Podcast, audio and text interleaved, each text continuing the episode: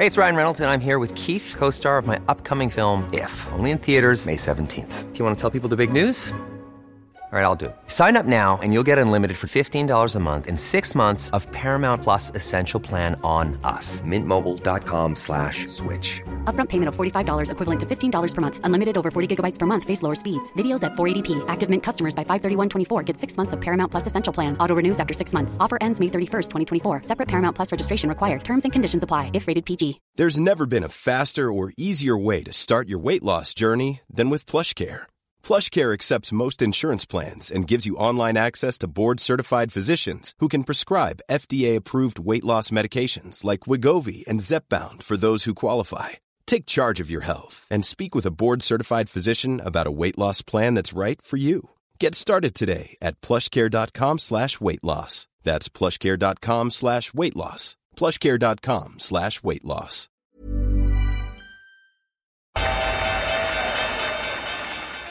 They mistook leverage for genius. Leverage for genius. I would recommend Japan. The governments don't rule the world. Goldman Sachs rules the world. Velkommen til Tid er penger, en podkast med Peter Warren. Jeg er dessverre produsent. Det er jeg som trykker på record, og så på slutten av episoden trykker på stopp, og av og til skyter inn litt med Peter. Eh, og i dag er en eh, litt annerledes, litt spesiell dag for podkasten, for vi er i ferd med å lansere noe nytt. Um, ja. Det har de siste, de siste årene har vi fått veldig mange forespørsler fra lyttere om at de ønsker at vi skulle ha en såkalt Patrion. Patrion er, for deg hvis du ikke vet hva det er, en måte å støtte innhold du liker, eh, og eh, ja, kunne være bidragsyter til at det fortsetter. Eh, og vi har snakka om det, meg og, og, Peter, i lang tid, og funnet ut at, at eh, hvis vi ikke hadde noe mer å tilby, så var det for dumt å ha en Patron. Og i forbindelse med at vi har starta å jobbe med eh, et reklamebyrå, og det kommer til å være mer reklame på podkasten, så tenkte vi at kanskje det var på tide å tilby en mulighet for folk å ha ei betalt løsning. Og det du vil få da, er du får en egen feed, altså en egen eh, podkast eh, RSS, som du kan uh, abonnere på, og da få episoder som er helt uten promotering. Dette vil være typisk promotering. Um, så du får innhold som er rå finans, og så får du også gleden av selvfølgelig å støtte podkasten, som er da åpenbart en stor glede. Så vi har lansert tre forskjellige nivåer eh, på Patrion, som du kan velge mellom sjøl hvor mye du har lyst til å, å støtte podkasten med da i praksis, fordi at eh, mer eller mindre så får du det samme på alle tre nivåene. Da er du enten analytiker, forvalter eller produsent. Uh, du kan gå inn på Patrion og lese om det, så da vil det være patrion.com penger, men vi kommer til også til å legge deg rett inn på sida, så du kan gå inn på tiderpenger.no skråstrek Patrion. Det vil også være i menyen øverst, så kommer du rett inn på den sida. Um, når, um, når du uh, signer opp på, på Patrion, så burde du også kanskje vurdere å laste ned appen. Da vil du få et varsel i den appen. Det er en veldig bra app. Og uh, jeg har sjøl eh, støtta mange podcaster og brukt den til å høre på episodene. Jeg har ikke brukt en ekstern RSS. Men som en del av uh, med å støtte podkasten, så får du også tilgang til den eh, RSS-en som er da den råe fila vår uh, uten noe tillegg. Og den kan du uh, abonnere på i din spiller, så uansett hvordan uh, podkast-spiller du bruker, så er det mulig å bruke den fila. Uh, det her har vært litt sånn vanskelig å vite om det her er en bra ting å gjøre. Man har jo ikke lyst til å være grådig, og man kunne jo heve seg på 100 forskjellige promokjør opp gjennom årene. Og vi kunne ha solgt episoder som non-fungible tokens, eller vi kunne ha hevet oss på å lage vår egen kryptovaluta. Men vi har alltid følt at, at det er veldig dumt å på en måte blande det å produsere innhold med å prøve å liksom å å berike seg på vegne av lytterne. Så jeg har alltid vært veldig forsiktig med Jeg har sagt nei til veldig store annonsører. Vi fikk en stor annonsør nå nylig som eh, kom med um, veldig stort tilbud, som vi sa nei til fordi vi var ikke helt komfortable med den annonsøren. Så vi setter definitivt ikke penger først når det kommer til podkasten, men det er, så, det er jo viktig å ha noe inntekter til den. Så eh, Derfor har vi nå valgt å inngå samarbeid med et reklamebyrå. Og vi kommer til å ha reklamer eh, på de fleste episodene. Det varierer selvfølgelig litt, men hvis du vil ha ingen reklame og i tillegg støtte podkasten, så går du på tiderpenger.no skråstrek Patrion. Det er P-A-T-R-E-O-N. Eh, du vil også finne det i menyen på Tid er penger. Og vi kommer selvfølgelig til å dele det her på Facebook og andre ting. Så det er vårt nye prosjekt. Holdt på med det en stund. Eh, bestemte oss nå for noen dager siden. Og eh, det her er da første episode som går ut. Håper det går smidig. Jeg er ikke helt sikker på hvor smidig det kommer til å gå, men det er litt sånn, hvis du har lyst til å lære deg hvordan en datamaskin fungerer, så er det bare å trykke på alle knappene. Til slutt så skjønner du hvordan alle knappene, hva de gjør. Og, og det er litt sånn. Vi, så Eh, litt tålmodighet med det her, men det, jeg, jeg, tror det kommer til å gå bra. Det ser Vi kan ikke vite det før vi gjør det. Eh, så første episode blir 115. Den kommer til å være reklamefri. Det kommer ikke til å, vi kommer ikke til å gå tilbake og klippe alle gamle episoder, for det vil være helt grusom opplevelse. Men eh, eh, hvis det her skulle vise seg å være en suksess av en eller annen grad, og at, det er etterspørsel etter det her, så kan det være at vi begynner å lage mer innhold. For det er mer innhold vi har lyst til å lage, men som vi ikke har gjort. Så Ingen løfter annet enn at her får du reklamefrie episoder av podkasten, og du får også mulighet til å støtte. Hvis du skulle da velge det øverste nivået, som er eh, hinsides høyt priser, så blir du også, eh, får du også en shout-out, altså du får også en, en, liten promo av ditt navn i slutten av hver episode. Um, med mindre det skulle være noe helt ekstraordinært, men alle får da det. Så hvis, hvis du også er produsent, så spiller du en litt viktig rolle i å støtte at podkasten kommer til å bli fortsatt å bli laga. Uh, eh, så det var tiderpenger.no skråstrek Patrion. Du kan også selvfølgelig uh, finne uh, nyhetsbrev. Uh, tiderpenger.no nyhetsbrev, som vi nylig har lansert, som vi sender ut research knytta til hver episode etter episoden. Det er også på tiderpenger. Så i tillegg har vi masse andre ting der nå. Jeg skal ikke gå gjennom alle nå, siden det her er en lang intro. Så ironisk nok så vil ikke denne introen være del av den første episoden som legges ut på Patrion. Så du får litt inntrykk av hvordan det er. Og alle reklamer vi kjører, vil heller ikke gå ut der, for det er helt separat system. Uh, og da tror jeg vi starter med episoden. Ja, da er det sommer, og det er episode 115. Og vi er klar til å snakke om uh, det som har skjedd i markedet det har vært um, Jeg vet ikke, Har du lyst til å starte på den researchen om liksom reverse repo og diverse ting, eller vil du at vi skal gå rett inn på treasuries, Peter? Jeg tenker Hvis vi begynner med uh, lange renter, altså det som skjedde i amerikanske statsobligasjoner, og for så vidt spredde seg over hele verden, da. Ja. Uh, i, i, forrige uke, i og med at det, er, det har vært overskriftene overalt. Og mange av våre lyttere også har jo vært opptatt av det. Jeg så på på chat-kanalen vår et antall som spurte hva er det som skjer her nå, uh, og som også tok kontakt. Hva er i all verden er som skjer? Altså, Vi kan jo si så... hva som har skjedd, da. Jeg kan ja, jo bare ta en kjør gjennom. Fra forrige episode, så når vi tar opp episodene, så er det på mandagen rundt, rundt klokka tolv. Og, og på den tida da, for ei uke siden, så lå eh, amerikanske tiårige eh, obligasjonsrente på 1,44 ca. der. Eh, litt avhengig av hva du måler fra. Og så har det falt og falt og falt, og den bunna ut eh, på torsdagen ned på 1,25. Altså et enormt eh, prosentmessig fall, og, og ca. hva det blir eh, eh Ca. 20 prosentpoeng, altså 0,20 prosentpoeng fall på den tida. Så har det kommet henta seg litt inn igjen.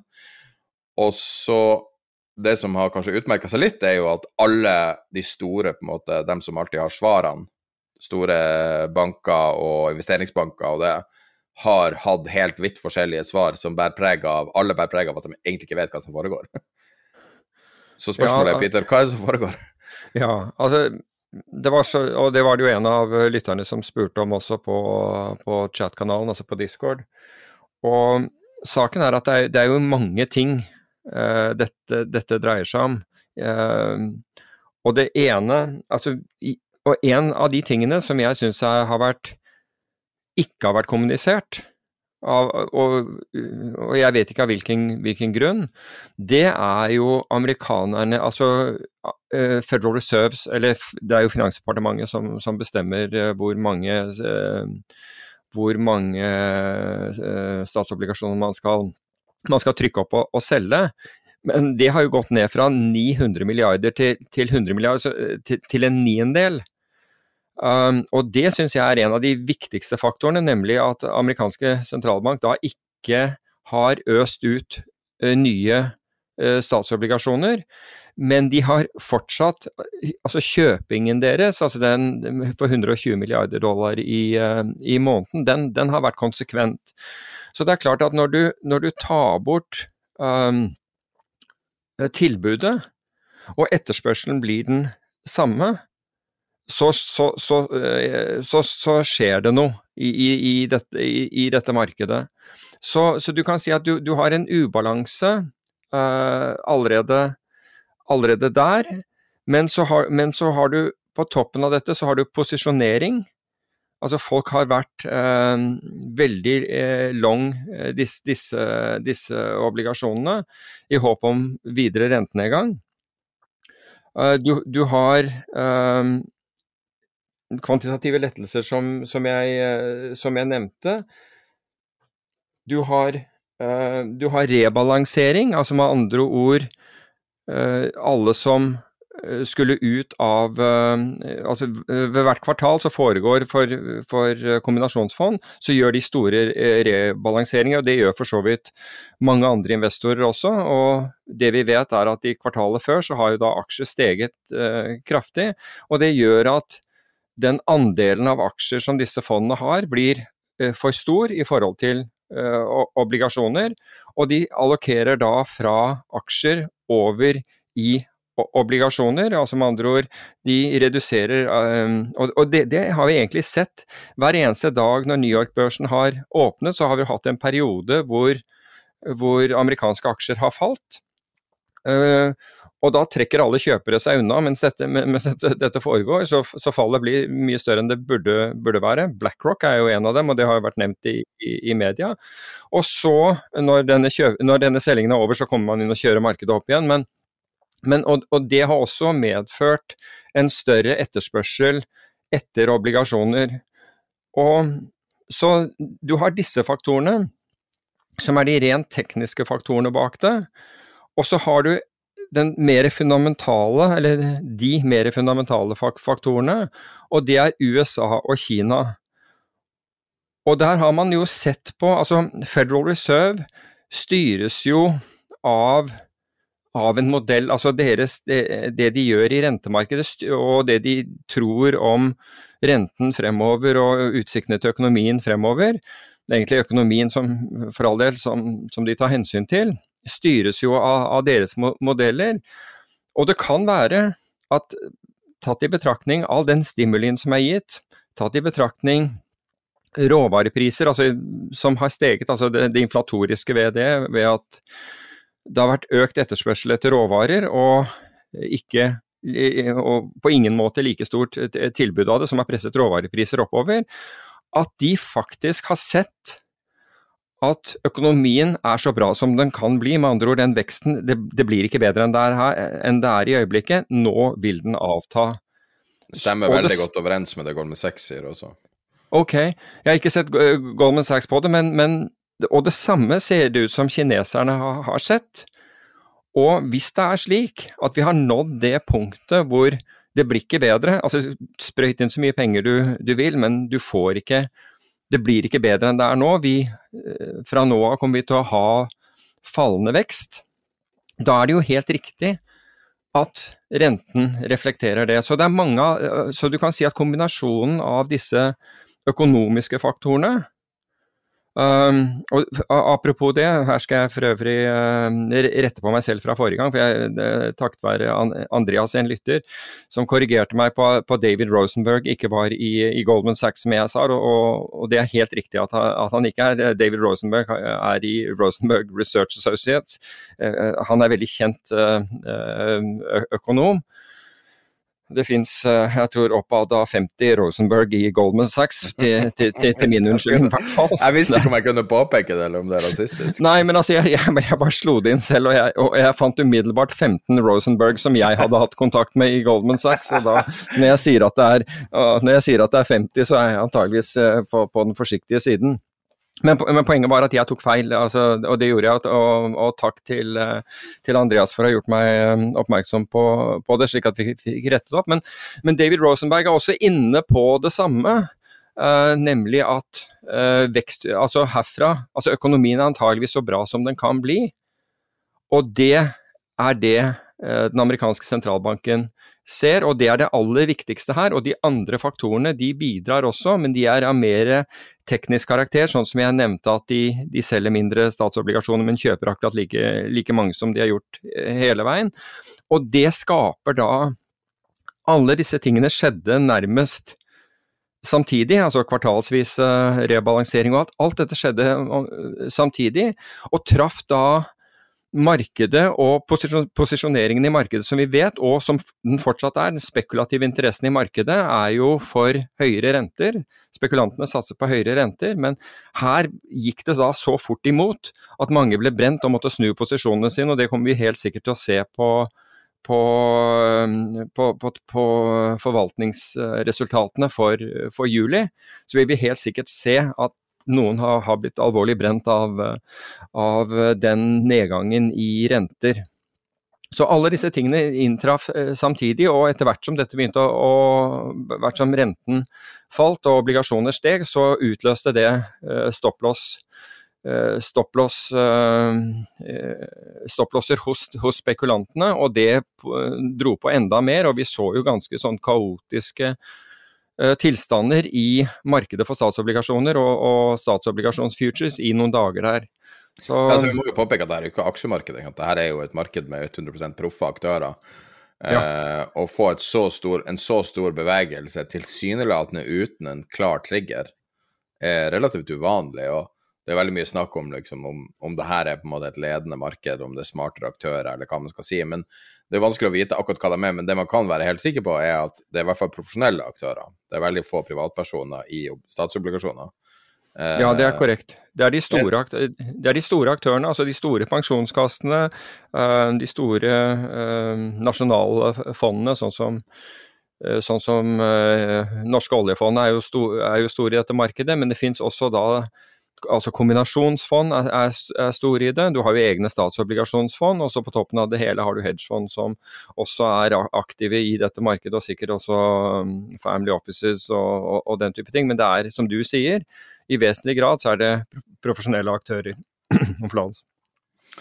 Eh, jeg sitter bare og ser på Goldman har en rapport ute i jeg tror det var i går, eh, i forrige års Uh, som kaller det her den, Det var litt interessant, for de innleder med det her den mest volatile um, uka siden krisa.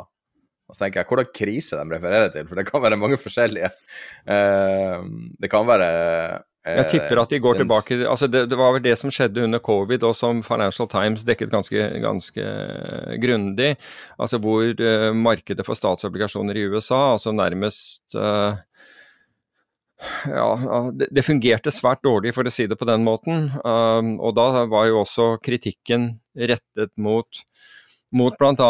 Uh, hedgefond, og, og, det at myndighetene måtte steppe inn, altså Federal Reserve selv måtte steppe inn for å roe markedet. Men du kan si det er deres marked, så mitt argument er jo at de, hvis det var ett marked de burde steppe inn i, så er det jo akkurat det. Altså Hvis det er et marked de, de burde sørge for at fungerte, så er det jo sitt eget fundingmarked. så, så, man kan ikke gi på en måte hedgehåndene skylden for at det ikke virker. Det, det, som gjorde at det markedet virket så veldig dårlig under, under covid, er den, det vi har snakket om et antall ganger i denne podkasten, nemlig at, at, aktørene er annerledes i, i, dette markedet. Det er ikke Tidligere var det de store bankene som hadde, som hadde store posisjoner i i uh, statsobligasjoner, og som var marketmakere, store marketmakere i det. Men etter hvert, ettersom man endret regelverket, så er det nå lynhurtige high frequency-tradere som ikke har verken evne eller ønske om å sitte med inventar. Med andre ord, de, de kjøper ikke statsobligasjoner for, å, for å, å sitte på det i, i uker eller måneder. De eh, ønsker å kvitte seg med det, med det de kjøper i løpet av milli- og mikrosekunder, og det gjør at markedet fullstendig endrer karakter, og det så vi veldig godt på, på et så stort marked som markedet for statsobligasjoner da i fjor under covid. Ja, men samtidig så har jo amerikanerne, altså amerikanske statsobligasjoner hatt bedre uh, og høyere rente f.eks. enn en Europa. Så, så, du kan si at at dette er jo et av de For det første er markedet dypere, altså det er større enn en det europeiske. Det er jo verdens største, største marked. Så, du, så, når ikke det fungerer, så kan jeg love deg at uh, de andre markedene fungerer dårligere. Det er helt sikkert. Men dette lærer oss, og de som ikke ser dette som et varselskudd, det, det forbauser meg, fordi dette forteller hva som skjer når, når, det blir ubalanse mellom tilbud og etterspørsel i et marked. All, alle markeder fungerer når, når, det er nærmest lik balanse mellom tilbud og etterspørsel. Altså Du kan si at skal et marked opp, så er det jo flere kjøpere enn selger, så, så det, er, det er større etterspørsel enn tilbud, og det, og det, er, helt greit, men i det øyeblikket det forrykker slik at det blir mange flere eh, som, som, etterspør, så fungerer ikke markedet lenger. og det, Akkurat det samme skjer på tilbudssiden. I det øyeblikket det går veldig greit så lenge, så lenge det er små ubalanser, men blir det en stor ubalanse, så fungerer ikke disse markedene, og det ser vi gang på gang på gang. Og vi så det et antall ganger i forrige uke, også i aksjemarkedet. Du merker det ikke hvis du altså hvis du går hjem når Oslo Børs stenger, eller hvis du ikke følger med nøye f.eks. rett etter at New York åpner, så ser du ikke eh, det. fordi i prosent så gjør, utgjør det ikke så mye, men du ser at alle som Og det, og det har stort sett vært selging etter, etter åpning. Når, når, du har sett den, den selgingen, så og det er da institusjoner som f.eks. skal rebalansere sine porteføljer, så forsvinner kjøperne. Og de får en mye dårligere kurs, og det er det de klager på også. Altså slippage. Altså den eh, Hvor mye dårligere kurs du får når du skal selge et, et eh, betydelig antall aksjer er nå større enn den har vært, vært tidligere. Og det er, et, det er et skudd for baugen for for den dagen når det blir større ubalanser i markedene, da vil vi oppleve dette enda mer. Og vi, det kan bli I verste fall så blir det som det ble med, med sveitserfrangen i, i, i, januar eh, 2015, hvor marketmakerne bare trakk seg ut. Bare slo av maskinene og trakk seg ut. Og, og, og kursen beveget seg 40% før, før du reelt sett kunne, kunne handle. Og det var en valuta, ikke sant. Det er verdens mest likvide marked, tross alt. Så ja, altså, det, det, er rart at man ikke tenker og tar hensyn til dette, men vi ser det jo, altså vi ser det til en viss grad.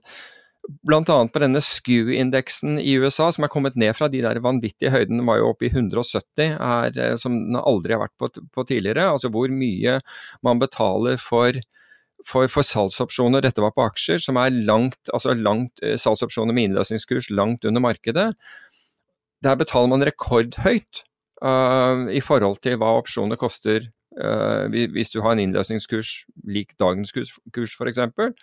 Rekordhøyt er man villig til å betale for det, og det er nettopp fordi man anerkjenner Altså Smarte investorer anerkjenner at her, altså du kan få likviditetshull, fullstendige hull, og da er den eneste muligheten du kan redde deg, det, det er å eie den type beskyttelse, fordi stopplåsen din vil ikke fungere, akkurat på samme måten som den ikke fungerte i, da, i, i, da, da, da sveitserfrangen løp løpsk. ikke sant? Hadde du en stopplås som var 2% vekk fra den kursen du, du var på, så ble, du, så, så ble, den utført kanskje 30 dårligere. Altså markedet gikk 30 før, eh, før, før noe ble gjort. Så det er nok en av årsakene til at vi ser denne. Altså alt henger sammen.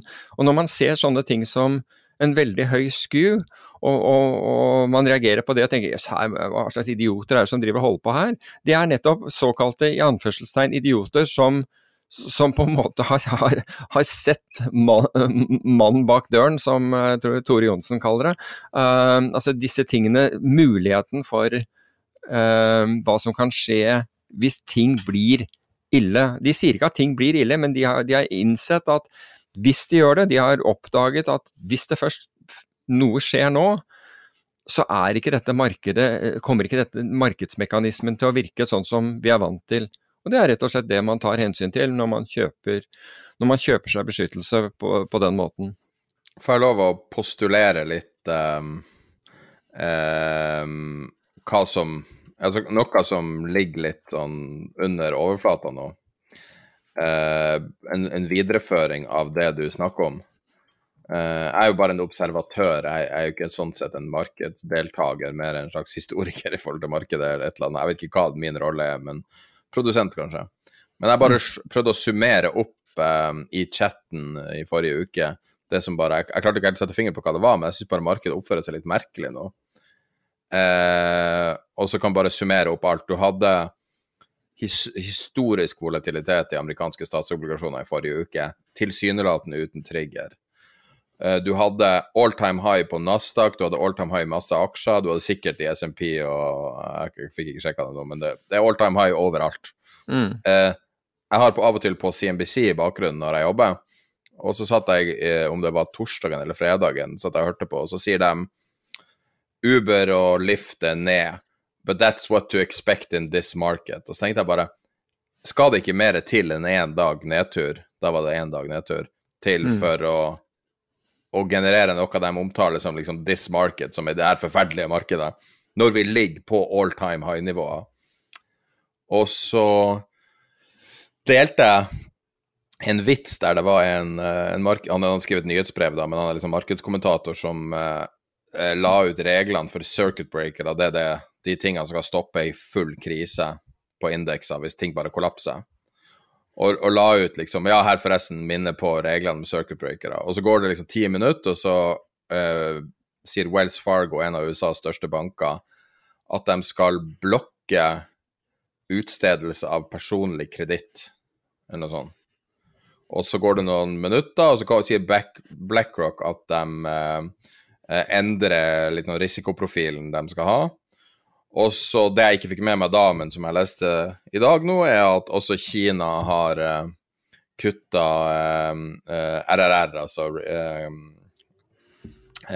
hvor mye reserver bankene må ha, som er sterk, en av deres sterkeste våpen for å stimulere. Og Kina stimulerer normalt ikke i gode tider. Så summen bare forrige uke var at det var helt stille og rolig, og folk fløy til uh, en slags verdensrommet, og det var liksom mer av det samme mm. gale markedet. Men det var akkurat som noe forandra seg i forrige uke. Jeg har hørt mange som har sagt det samme. Det var akkurat som noe forandra seg, og jeg vet ikke hva det er for noe. Og, og når du da ser det her i liksom, eh, måte kontekst med det du sier nå, trenger du så all verdens mye for å trigge noe alvorlig? Um, Bloomberg eksempel, nå kjører jo på i, i, denne uka med storyline, altså Bloomberg, verdens viktigste nyhetsbyrå for finans, om at nå er det et betydelig skifte i Kina, og at uh, man venter bare svake tall, og det kommer jo BNP-tall denne uka som de ventes kommer til å være svak, og at uh, Kina virker nå å ofre økonomisk vekst for på en måte, politisk makt, sånn som med Ant Financial og andre ting. Skjønner du hva jeg mener? Altså det er mye sånn ting som make you go hm? Ja, jeg er enig. Altså, og vi har jo snakket om dette med bredden, og, jeg så på noen sånn tall for, for, bredden, og den har ikke vært svakere. Altså, det, Bredden er antallet aksjer som på en måte drar opp i, i, en, i en, oppgang. Uh, og den har ikke vært svakere. altså Det er få aksjer som sørger for, uh, som, som sørger for indeksoppgangen og det at vi kommer til all time high.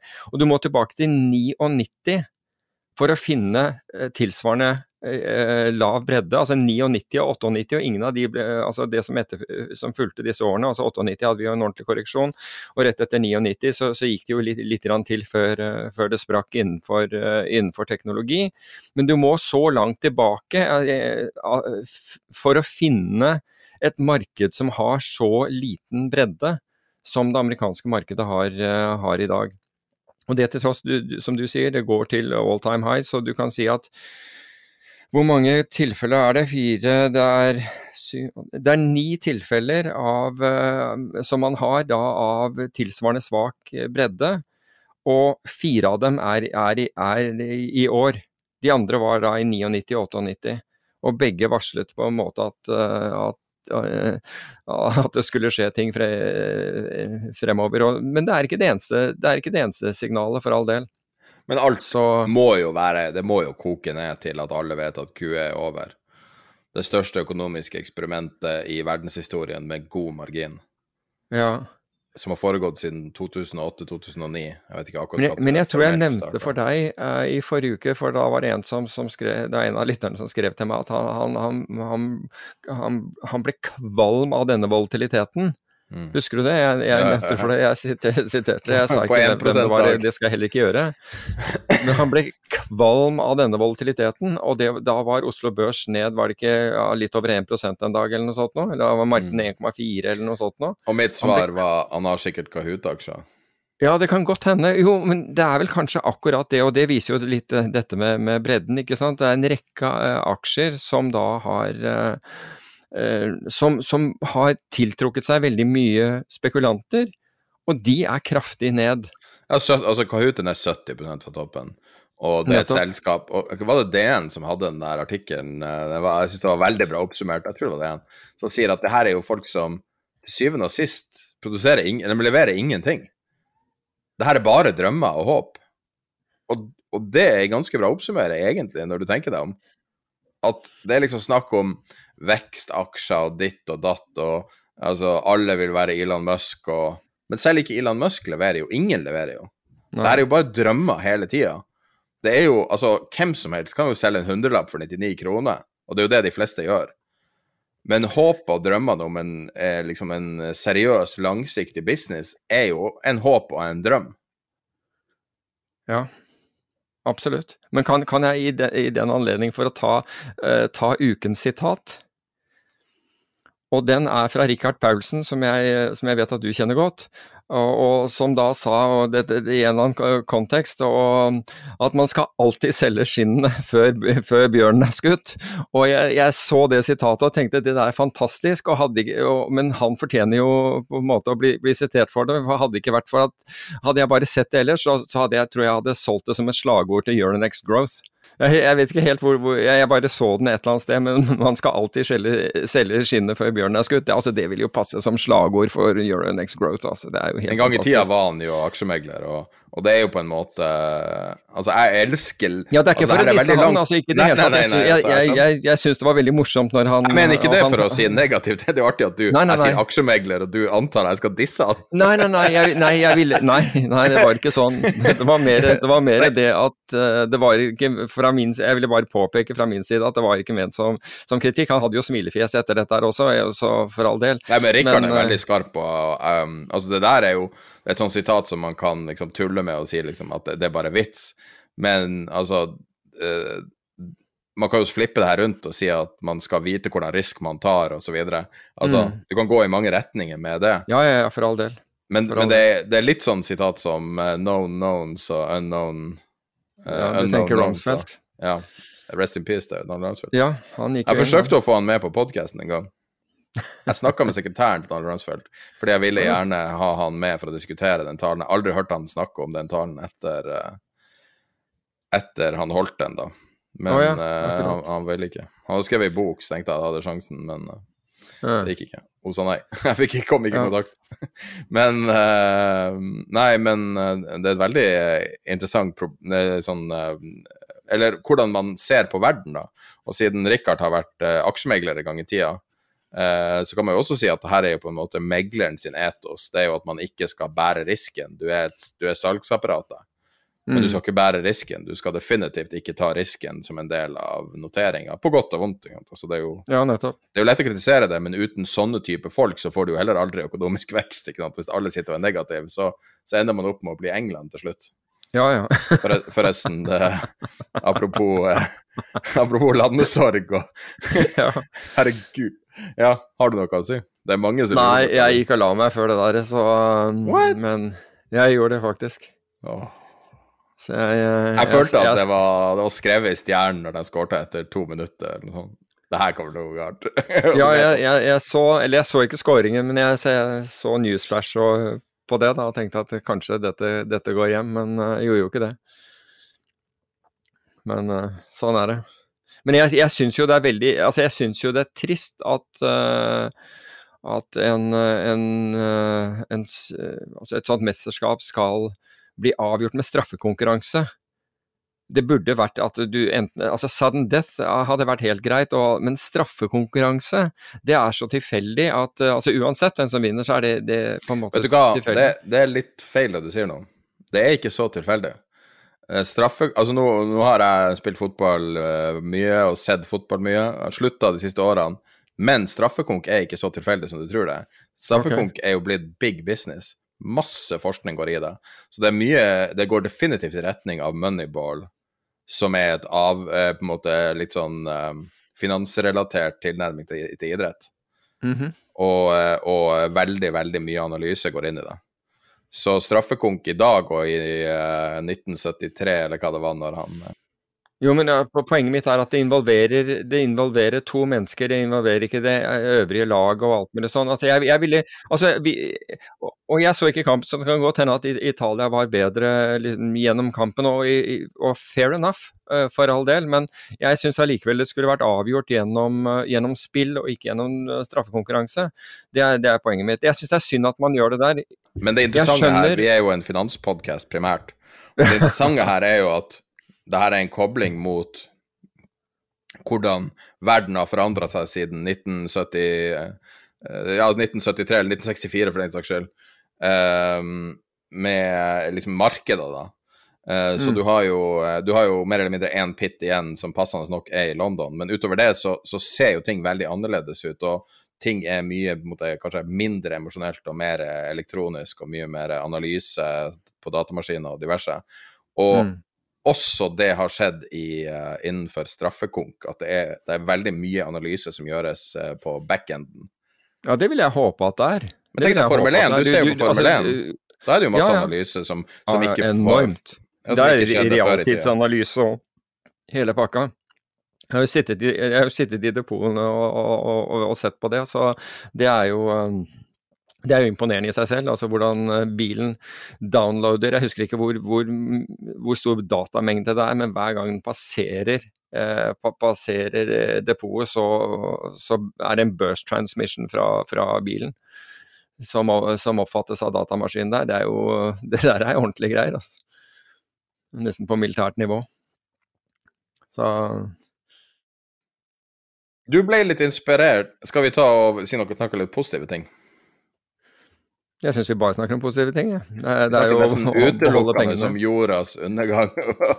bare det. Nei, jeg syns jo ikke det. Altså, det der, nei, det der å bevare, å bevare pengene dine, det er, det er, en positiv ting. Altså gjøre det du kan for å, for å bevare kjøpekraften din. Det må ja, og selge skinnet mens før bjørnen er skutt, rett og slett. ja. Men det tenkte jeg på forrige gang. Burde, altså helt seriøst, da, nå skal ikke det være et investeringsråd, men La oss si at du altså tenker på deg sjøl, da. Sånn som jeg tenkte på det forrige episode, om jeg skulle spørre deg da. Burde man cashe ut nå, etter, etter en halv generasjon med opptur? Burde man jeg, jeg gå tror, i cash? Det har jo veldig mye med, med din alder å gjøre, føler jeg. Men er dette, er dette, tidspunktet for å gå all in og, med, med, med, pengene dine og øke og, og, og, belåne? Jeg ville jo sagt nei, det er det ikke.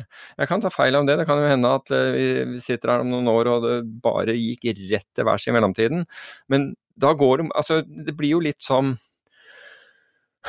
Altså Hvis du går inn på et kasino og tror at du skal og, og tror at nå, nå, skal jeg gå inn her og jeg skal holde på en uke på ruletten for jeg skal bli rik, så vil du etter all sannsynligvis komme ut ekstremt skuffet, ikke sant? fordi du har oddsene mot deg. Og det har jo egentlig bare hvor gode odds har du til, til, til enhver tid. Altså er oddsene i din favør, hvilket det ikke blir på ruletten, bare så det er sagt. Men, men, det betyr ikke at ett enkelt spill, at du ikke kan doble pengene dine og mye mer på, på et enkelt spill. Det, det, kan du gjøre, men hvis du gjør det, så er, så er det smarte du gjør, siden dette er et, eh, et spill med negativ eh, med negativ utfallssannsynlighet for deg, så er det jo å ta pengene og gå. fordi et enkelt spill vet man er tilfeldig, men hvis du spiller over tid, så vil oddsene treffe deg. Og Det, det samme er det jo her, sånn, at oddsene er jo blitt dårligere. Det er helt klart, altså Markedene er svært? De er dyre, ikke sant. Det er dyr i forhold til, er forhold til inntjening, i forhold til uh, prisbok. I forhold til en hel haug av Matrix så er markedene veldig høyt, høyt, priset. Stimuli har vært der som har drevet det opp til disse nivåene. Stimuli skal trekkes tilbake igjen. Uh, økonomien er så bra som den, den, kan bli, og hvis Fed og, og Bank of China har, har rett, så, så går vi mindre gode tider i møte. Det betyr ikke at det, vi går inn i en forferdelig periode, men råvareprisene stiger, så du kan jo få, en, en, en, kan jo få stagflasjon ut av dette. Altså inflasjon uten, uten annen vekst. Så um, det er mange ting som, mange ting som kan, gå, kan, gå, galt på, på dette nivået. Og, og, det vil jeg jo tenke at Jeg ville sett på den tidshorisonten jeg har for mine investeringer. og og hvor mye jeg var eksponert. Og hvis jeg var da belånt kraftig inn i dette i markedet, ja, da, da ville jeg definitivt sagt at nå er det vel på tide å gå til det der vinduet med, med sånn eh, sprinkler foran på, på kasino, og i hvert fall cashe ut en del av de pengene. Og gi det til noen som kan da gå langt derfra og putte det i banken hvor jeg ikke får tak i dem veldig, veldig lett hvis jeg begynner å tape de neste spillene. Slik at jeg i hvert fall spiller med, med, mindre, med mindre kapital, med mindre risiko. Men hvis du har hele tiden holdt på med den risikoen som du fint tåler, og det spiller ingen rolle for deg om dette korrigerer 40-50 fordi det, du mister ikke verken nattesøvnen eller, eller matpengene dine av det. Det er greit. Helt greit. Altså, vi er ikke like. Men uh, hvis, du har, hvis du er liksom godt opp i årene og har full glede av dette her og en, en, sånn korreksjon. altså Hvis det skulle ta ti år før det kommer opp igjen, så får du lite glede av de, de pengene. Så ville jeg jo sett på det annerledes, det er helt klart. Du vet logoen vår? Ja. Du vet hvordan jeg lagde den? Ja, var ikke det ute av en eller annen sånn uh, graf som viser markedssykler? Uh, ja, den, Eller som viser uh, boble, boblegrafen. Der mm. det var en, uh, en amerikansk forsker som tok masse historiske bobler, og så lagde det om til et litt sånn stilisert, idyllisert chart, som man kan bruke på en måte for å prøve å spotte, i hvert fall i ettertid, ei boble. fordi at det har en veldig tendens til å følge det samme mønsteret. Og så skal jeg, mm. prøve å, skal jeg prøve å lage en stilisert versjon av det, og så valgte jeg feil, eh, feil redskap i, eh, i, Illustrator, og så endte jeg opp med bare det som jeg syns var veldig pen logo, da. Ser ut som en fjellkjede og sånn, men så på en måte illustrerer litt det prinsippet som det, så den, den, grafen illustrerer bra, som er reversal to the mean. Altså, du får en vanvittig opptur, en vanvittig boble, og så faller det tilbake til det nivået det var før det spika, som er kanskje mer et normalnivå. Uh, og når du ser på ting som bitcoin, da, og du ser på hvordan grafen ser ut, mm.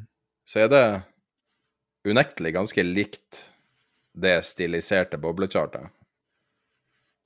Men og, det, har vel, det, har vel, bitcoin egentlig hatt en rekke ganger under, under absolutt, den Absolutt. Altså, man kan bomme med denne analysen, men jeg lurer på Når du snakker om sånn som du snakker om, tar, tar liksom pengene av bordet og uh, hvis, du, hvis, du, ikke kan bære risken, men det vil selvfølgelig mm. for alltid være kanskje rådet. Men uh, er, er, noe i gjære nå for mange av de her grafene å måtte fullføre den boblesyklusen, dvs. Si reversal to the mean?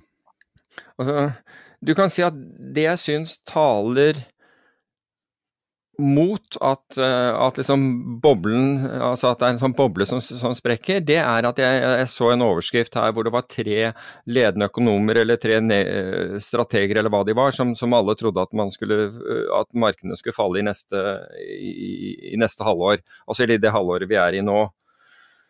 Og det pleier du ikke å se når, når, en boble sprekker. Da er som regel alle på, på, på den ene siden, så det, så, så det, på en måte taler imot. Det som taler for, det er jo den der rekordtegningen og den rekordinteressen som er blitt for aksjer i år. Altså I dette markedet hvor det er veldig dyrt, så har til tross for det, så har liksom det kommet inn rekordmye penger. Det er, er ting som taler den andre veien, syns jeg. Uh, for øvrig, når du, når du nevner uh, bitcoin, så, så, så jeg forleden dag at Pantera bitcoin-fond, det ble startet for, for åtte år siden. Og Der tror jeg du kunne investere hvis du hadde jeg tror, Kanskje minimumstegningen var 100 000 dollar, jeg er ikke sikker på om det, om det var mindre. Men i hvert fall, den, hadde, den har avkastning på 48 026 48 026% avkastning har den gitt på, på, åtte år. Og Det er da jeg tenker at man kunne utfordre disse her med Det er ingenting som, som gir eh, tilsvarende avkastning av, som aksjer, folkene. Men spørsmålet da, hvis jeg kontrer med det, er det her investering, eller er det gambling? Jeg vet ikke. Det, det, du kan si at uh, Definer forskjellen. altså du kan si hvis, hvis, du med investering sier at det ikke er usikkerhet, så er det feil. Hvis du med gambling sier at det, ikke, uh, at det er usikkerhet, så er det helt riktig. Så du kan si det er usikkerhet med gambling, og det er usikkerhet med, med, med investering. Så, hva var det? Jeg så en quote som var uh, Nei, hva var den, da? Altså, det, var, det var Marshall Wace som nå, har, som, som nå, går inn altså det, det, Hvor store er de? Jeg tror de er 55 milliarder dollar, det forvaltningsselskapet Marshall Ways som, nå har, eh, som også går inn i krypto nå. og Det, det skjer samtidig med at uh, George Soros og Renaissance Technologies og mange av disse andre interesserer seg. Men Det betyr jo ikke at de er long krypto for, for all del. altså de det er mange måter å, å trade det på. Men Marshall Ways mener at altså det kan gå, som de, Jeg tror de sa noe slik at det kan godt hende at, at dette her ikke ender bra, men de føler at det er en så viktig teknologi og, kan, og betydningsfull for fremtiden at hvis du, står, altså hvis du står på sidelinjen og det blir det det kan bli, så, du, så, du, så vil du ha tapt mye. Uh, så de, de, har vurdert det slik at de ønsker å være med fordi, fordi de mener at sannsynligheten for at dette blir, blir en teknologi man anvender, er større enn større enn at dette her bare forsvinner. Og nå har vi jo fått, Det er stadig større aktører som kommer inn. og Til tross for det at krypto, altså bitcoin i dette tilfellet, og for så vidt de andre, har stått stille nå i en, jeg vet ikke, en måneds tid eller noe sånt, og vaker mellom 30 000 eller par og 30 000 og 35 000 dollar for, eh, for bitcoins del, så er det allikevel eh, så, så kommer det allikevel altså Bare i ventureselskaper som driver med med, med, med blokkjede har, har, da fått inn 5,6 milliarder dollar i, i, i annet kvartal. Så det er ikke som det er, det er privat, private spekulanter altså som, som er inne i dette markedet. Men det sagt, så er det jo ikke slik at Marshall Wace går 100% inn eller noe sånt noe, i, i, i, krypto, eller Renaissance Technologies, eller Soros for den saks skyld. De, de, de, tar en posisjon i forhold til, i forhold til den risken de, de, påføres ved å gjøre det. Og jeg så at Jeg tror man kom Og det var antageligvis en, en, en survey som mente at hedgefond ville komme opp i noe sånt som 7% innenfor, innenfor kryptomarkedet i løpet av, av, året, og 7% ville jeg sagt er mye. Um, så, så det skjer ting Kanskje det faller tilbake til 5 5000 dollar? Ja, ikke sant. Altså, men du kan si at Vil det folkene være like interessert i markedet da, eller vil det være videre til neste spekulative venture? Nei, hvem vet. Hvem vet på, på, det tidspunktet. Hvis det er noe, noe, annet som er bedre, så vil de helt sikkert gjøre det. Men, men la oss si at du hadde la, la, oss si at du hadde 2% av pengene dine, da. Eller 5 ta, la, la, 5 av kapitalen din i, i kryptomarkedet. Og, og, det kollapser og det blir borte. Ok, da, da taper du 5 Hvor lang tid tar det å, å tape 5% i en aksje? Altså, vi vet aksjer, eh, altså Hvis du går gjennom Oslo Børs i dag, så er det sikkert noen aksjer som er ned mer enn 5% bare der. Så, så, du kan si at hvis det er 5% av kapitalen din, ok, du taper 5% på den, men, men du har kanskje en eksponentiell oppside, muligens en eksponentiell oppside, hvis teknologien rundt blockchain, og, jeg, det er jo ikke bitcoin som har den mest avanserte blokkjeden på, på noe som helst måte, Ethereum er jo langt mer avansert enn den, og, og, derav mer anvendelig. Men hvis, du, altså hvis det der tar av mer, og det er, jo, det er jo industrielle aktører som kommer på banen her, det er de som har tatt, de som har tatt imot når, når uh, spekulanter med høy giring har, har solgt. Så hvem vet hvor dette Altså, jeg vet ikke hvor, det, hvor dette går, men jeg ser det som interessant å ha altså, Tenk på det som en liten del av porteføljen din. Det er klart, hvis du skal være gæren og ta hele porteføljen din i det, så er, da, da, må du, da, må du, tåle de svingningene som, som det er i, i, i, krypto. og Da bør du helst også være ung, for i tilfelle det der går galt, så må du ha tid til å, til, til å tjene inn pengene på noe annet. Men en liten Hva gjør del, du? Du har jo sagt at du, at du hadde investert eh, du sa 10% av formuen i kryptofond ja. tidligere, har du sagt. Um, og du, og du har casha ut nesten på toppen denne gangen? Noe av Nei, altså, det er to forskjellige ting her, bare, bare så vi er klar. Altså, når, det gjelder, når det gjelder investeringen i fond, så er den fortsatt, det er, det er amerikansk venturefond, og det, det, er der fortsatt. Så den investeringen er fortsatt der. I tillegg til det så hadde jeg både bitcoin og Ethereum um, utenom det. Og der solgte jeg en tredjedel av det jeg hadde på, på, på, 53, det, på bitcoin 53 000. Um, og da var vi rundt 4000 i, eh, i, uh, i, Ethereum. Og så solgte jeg på 58 000, så solgte jeg en ytterligere en tredjedel av, av, det jeg satt igjen med da, uh, på 58 000. Men det var ikke fordi jeg, jeg, så for meg at vi skulle til 30 000 uh, dollar etter en måned eller, eller to senere. Det var rett og slett pga. at at det, det, ble for mye altså det, ble, det ble for mye gærninger med. altså Folk hadde Det kastet seg på en måte på det. og Da snakker jeg ikke om de industrielle aktørene, men narrativet som gikk, ikke sant, både på Twitter og du ser det på, på en del andre uh, chatfunksjoner osv. Altså, den var så dårlig fundert at jeg tenkte at altså, her nå, nå, nå, nå blir det for, for spekulativt.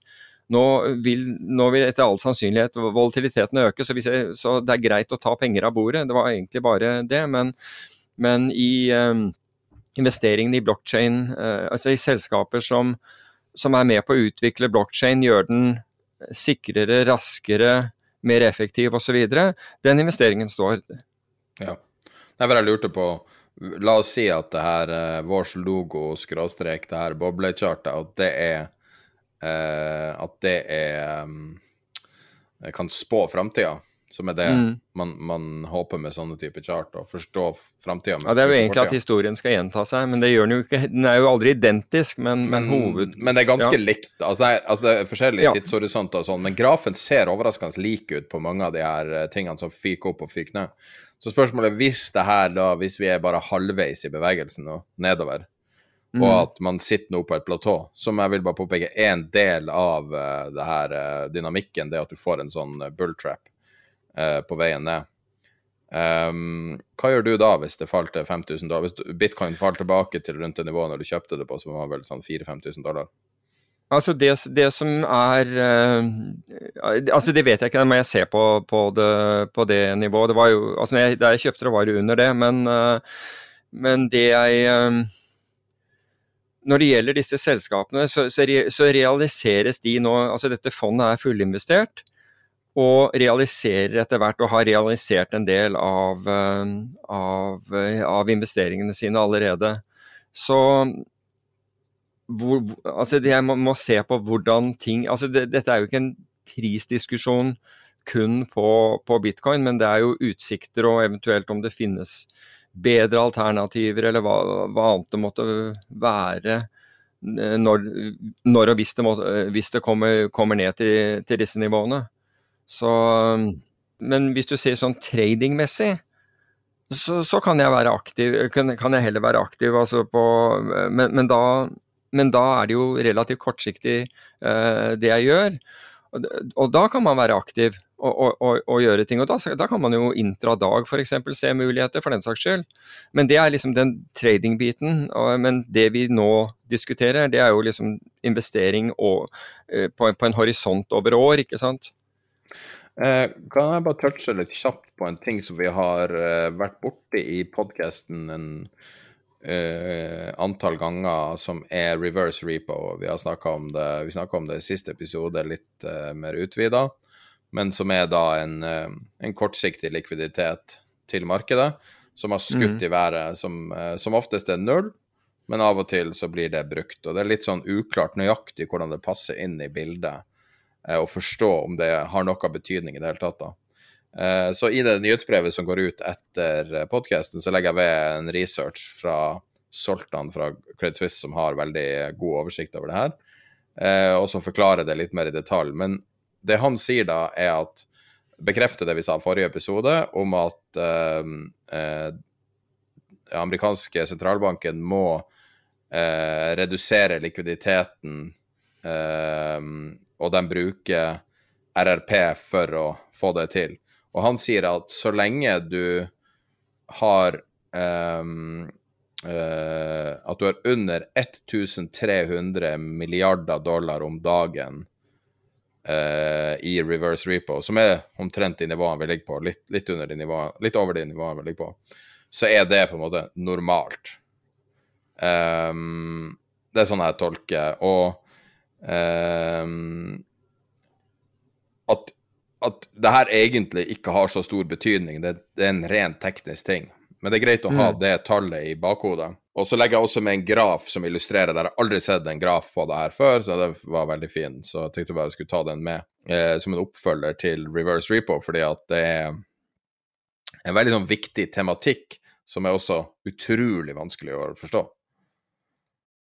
Ja, det er egentlig fint at vi tar den i det, i det nyhetsbrevet. Det er greit å, å nevne det her, men at vi også tar den i nyhetsbrevet, slik at i og med at dette nevnes, uh, i hvert fall internasjonalt, uh, mye, så får i hvert fall uh, lytterne en, et begrep om hva dette faktisk er, og hvordan det ser ut. Jeg vet at du har lyst til å snakke om elektronisk obligasjonshandel. Ja, og det, dette er jo elektronisk eh, handel med selskapsobligasjoner. Og det som er, eh, det som er interessant, er at eh, Man Group har bl.a. Sett på dette her. Og den elektroniske handelen har da, uh, har da økt med, med, med, med 20 altså asset manager har da, Systematiske asset manager har da økt Det er, det er den asset-klassen som har økt med mest. Og hvorfor, er, hvorfor det har skjedd, er nemlig fordi i og med det er elektronisk handel, så kan da kvantitative, forvaltere, algoritmestyrt om du vil, gjøre bruk av denne, ikke sånn high frequency, men de kan kjøpe og selge obligasjoner mot hverandre på, på, på, kvantitativt grunnlag. Altså ikke ha den usikkerheten med at du må ringe rundt og du vet ikke hvor prisen er egentlig, fordi den prisen som er på skjermen er, er gammel osv. Så, videre. så det har medført at, uh, at uh, en vekst i dette markedet. Og det er, det er først og fremst TradeWeb og, og hva er den andre heter igjen, da? Uh, ja, Market Access, ja, som er de, de, de, de to store venuene for, for uh, handel med, elektronisk handel med, med selskapsobligasjoner. Så det har gjort markedene mer likvide, nettopp at f.eks. de ser én obligasjon altså med en rating i forhold til den andre, er, er etter deres modeller feilpriset. Så det blir økt handel hvor de shorter den ene og, kjøper den andre. Så det blir økt omsetning og mye bedre marked av dette. Um, og det er, det er, jo litt sånn der stikk til det, det, norske systemet, så hvor du ikke engang ser kjøper og selger på, på, på skjerm som er live. Du kan, få se, kan få se hvor det er handlet på slutten av dagen. Um, noe som gjorde at Norwegian, den nye Norwegian-obligasjonen, den handlet ti poeng lavere kjøp hos én megler enn det var kjøper hos en annen. Ti poeng! Og dette sitter kan man, tvinge, kan man tvinge innføring Kan ikke Finanstilsynet tvinge innføring? Ja, jo, det kan de helt sikkert. At, at Finanstilsynet sitter rolig og ser på, ser på det, det der markedet, det er jo ikke bra. Men hva det heter Du har de der kravene til meglerhus uh, om uh, best price, hva det heter for Ja, best price, men, men greien er at ja, de men, unnskylder seg Er ikke det samme i obligasjoner? Jo, men de unnskylder seg at de, de, de? Jo, men de unnskylder seg at de ikke ser det. Så hvis, det, hvis, var hvis prisen var Hvis en kjøper hos fem, på 95 hos et meglerhus, så visste de ikke om det, så de, så de handlet den på 85 et annet sted. Så selgeren deres får da 85 når det finnes en kjøper på 95 i markedet, f.eks. Og det, altså det der kan ikke være bra. Det eneste, den eneste som drar fordel av dette her, er meglerhusene, og meglerhusene tar ikke risiko. Så hvorfor i all verden hele dette systemet um, tilpasses de som ikke tar risikoen, det fatter jeg ikke. Um, men, Selv, men det er jo selv interessant Selv skinnet for bjørnen er skutt? Ja. Eller noe sånt. Ja, her eh, Ja, her Ja. ja her, her, her dreper man eh, Her dreper man bjørnen også, men det, men det spiller jo på en måte ingen, ingen rolle. Men Får jeg lov, får jeg lov å hedre deg litt, bare? Jeg må bare ta eh, fot i bakken. OK. Så leste du nyhetsbrevet jeg sendte ut i helga og gikk gjennom chatten? Leste du Eh, nyhetsbrevet jeg sendte ut? Nei, jeg tror ikke jeg har lest det ennå. Hva var det med Nei, for Hvis du er med i nyhetsbrevet, så vanligvis sender vi jo kun oppdateringer etter episoden. Nå sendte jeg også med eh, ei oppdatering der jeg gikk gjennom chatten de siste syv dagene for å prøve å gi folk som ikke er aktive på chatten, litt sånn oversikt over hva som snakkes om der. Og da Ok. hylla jeg en av dine vitser. Den fikk meg til å le godt. Se. Eh, hva var det? Nå må jeg finne den. Det er det, ja. At uh, Roger Berntsen sine åpningsestimater, som har vært diskutert siden tidenes morgen, ja, det er jo et åpenbart forsøk på å komme i avisa hver eneste dag.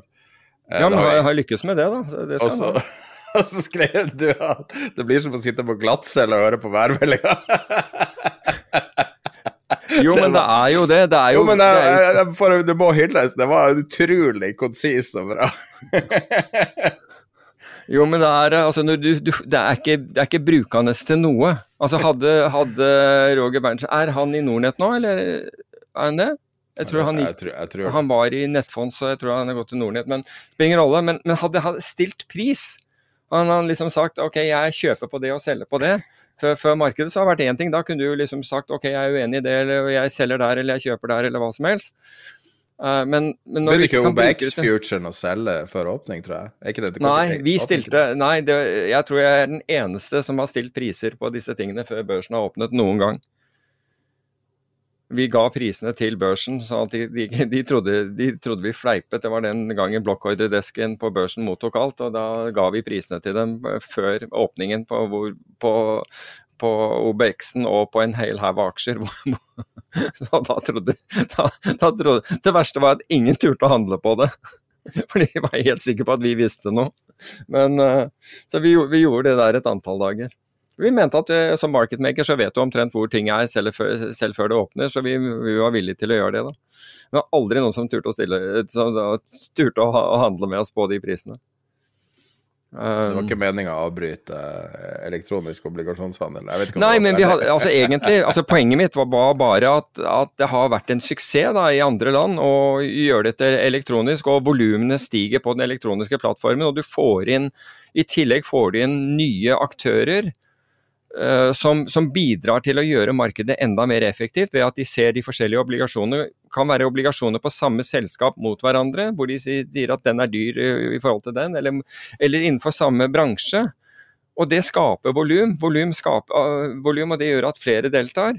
Jeg skjønner ikke at Men her, aldri i verden, her skal ingen vite hvor, hvor markedet er, annet enn meglerne.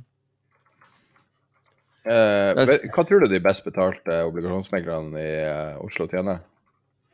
Jeg aner ikke. Jeg har ikke peiling hva de tjener. Nå, altså, du kan si at jeg, Meglerhusene tjener jo først og fremst på tilrettelegging av, eh, av emisjoner og utstedelse av obligasjoner. og Det er- jo der de store pengene er. Det å, å kjøpe og selge obligasjoner eh, tror jeg ikke Det er ikke der det, er, det er ikke der de store pengene hentes, for å si det på den måten. Men det går jo gjetord om, eh, om enkelte obligasjonsdesker som har eh, eh, ja, som har helt vanvittige lønninger. Jeg husker det var de her eh, som Det var en rekke i ett eh, hus som var under 30, som tjente over 30. Ok, men, men til forsvar for, for, for, for meglerne, så, så tror jeg at da tar man med Altså når man tar eh, honorarene til Da tar man alle honorarene til, til desken og, og fordeler. Eh, og at, at det er tilretteleggelseshonorarer og den type ting som, som står for mye av det heller enn altså annenhånds obligasjonshandel. det, altså, det, det tror jeg ikke gir eh, tosifret uh, millionlønning. Men tilretteleggelse, altså utstedelse Ja, ja, så det er jo kun utstedelse. Det er mye drit. Ja, nettopp. Bare så, så vi er liksom presise på det. Men det var egentlig det Altså, jeg, syns at det, det, som i, det som skjer i utlandet, det kommer jo til Norge også. uh, etter noen istider. Men eh, det virker i hvert fall der. Så, og det har fått inn helt nye grupper og, og, og, og aktører, og det er positivt for markedet. Det var det jeg ville si. Eh, hvordan klær brukte du i år 2000? Hvordan klær brukte jeg i år 2000? Jeg vet ikke. Det var ikke krig da, så jeg gikk vel ikke med hjelm, tenker jeg, men uh, Jeg skal prøve å finne bilder der fra år 2000. Uh, Kanskje de har det på skjerm? altså jeg, det, ja. Ja, fordi at du skjønner at Du- for, for å si det på den Y2K-motet på måten, moter, moter Bare for å si på det, moter treffer meg oftere enn jeg treffer moter, for å si det på den måten. Det er mer tilfeldig. Ved at jeg går med noe helt til det kommer på, på mote igjen, eventuelt. Ja. Jeg tok meg sjøl i å, å gå med å gå med sånne Adidas-sko som heter Shell Toes. Altså sånn jeg tror det er Superstar eller noe sånt, som jeg alltid har brukt okay. før. Og så var jeg i Oslo en gang, og så så jeg, så bare la jeg merke til at alle narkomanene gikk med det også. og så er jeg da i samme generasjon som narkomane Ja. i, i Oslo nå, og, og vi hadde akkurat samme liksom sånn eh, ja, glede med gammeldags mote. Eh, så, men grunnen til at jeg spør, er fordi at Y2K-motet er på vei tilbake. Jeg prøver å finne, jeg fant okay. ett bilde av deg fra 2000, når du var på Kåre Valebrokk sin 60-årsdag. Akkurat. Ja. Da gikk du med dress, var i på hvert fall. teaterkafeen. Ja, det var på mer hår teaterkafeen. da, men eh, Antageligvis. Det Det var var på teaterkafeen, jeg husker det godt. Der hadde du en Nokia-telefon også. Det er mulig at det er det som kommer til Nei, Y2K-motet er på vei tilbake, sier min mote. Ok. Så det er Min da- mote vet jeg ikke engang hva er for noe, men uh... Min mote er VG sin uh, moteblogg. der viser jeg min ignorance når det gjelder sånn. Det er allerede. Ok. Så da er det type tidlig Britney Spears og Mm. Christina Aguilera. Akkurat. Tenkte bare vi skulle være litt i front, eller kopiere, eller kopiere dem som er i front, da, som er min mote. Ja, i det øyeblikket vi blir en motepodkast, da tror jeg vi har tapt. Ja. si det på den måten. Nei, men tapt. nå eh, Nei, vi begynte å gå tom for tema, så jeg skrevet eh, Det var det siste jeg så før vi starta, så det var Ja, men- altså det eneste, det eneste tingene vi ikke har, har, har snakket om, det er, er Blackhawk. Embracer og TransferWise, Ja. uh, syns jeg. Altså, Ja, det var det jeg foreslo i stad, å snakke om noe positivt, fordi at du hadde bare ble Ja. inspirert av de her selskapene. nettopp. Du har kikket på dem, eller? Altså det, Ja, det altså. er jo Embracer er, er, det, er, det er han svensken, ikke sant? Ja. Svensk gamer som, som har Ja, men laget du- altså, At alle det gamer, altså det her er et konglomerat av Ja, jeg vet det, jeg vet det. Altså, det er Det- dem det som velger å fortelle Altså det er som å si at, uh, at Petter Stordalen er er eple... Nei, hva det heter, er bærplukker. Altså, han var kanskje gamer en gang i tida, men det her er Ja, ja, men, men, men, det, men det jeg liker med de der historiene både om Embracer og TransferWise altså TransferWise har jo da, er jo en måte å flytte, flytte penger på. Det er ikke Havala-nettverk, bare så det er sagt, men uh, som, eh, som, som sparer bedrifter og, og privatpersoner for enormt med, med, med penger, altså, som de ellers ville betalt i honorar til banker.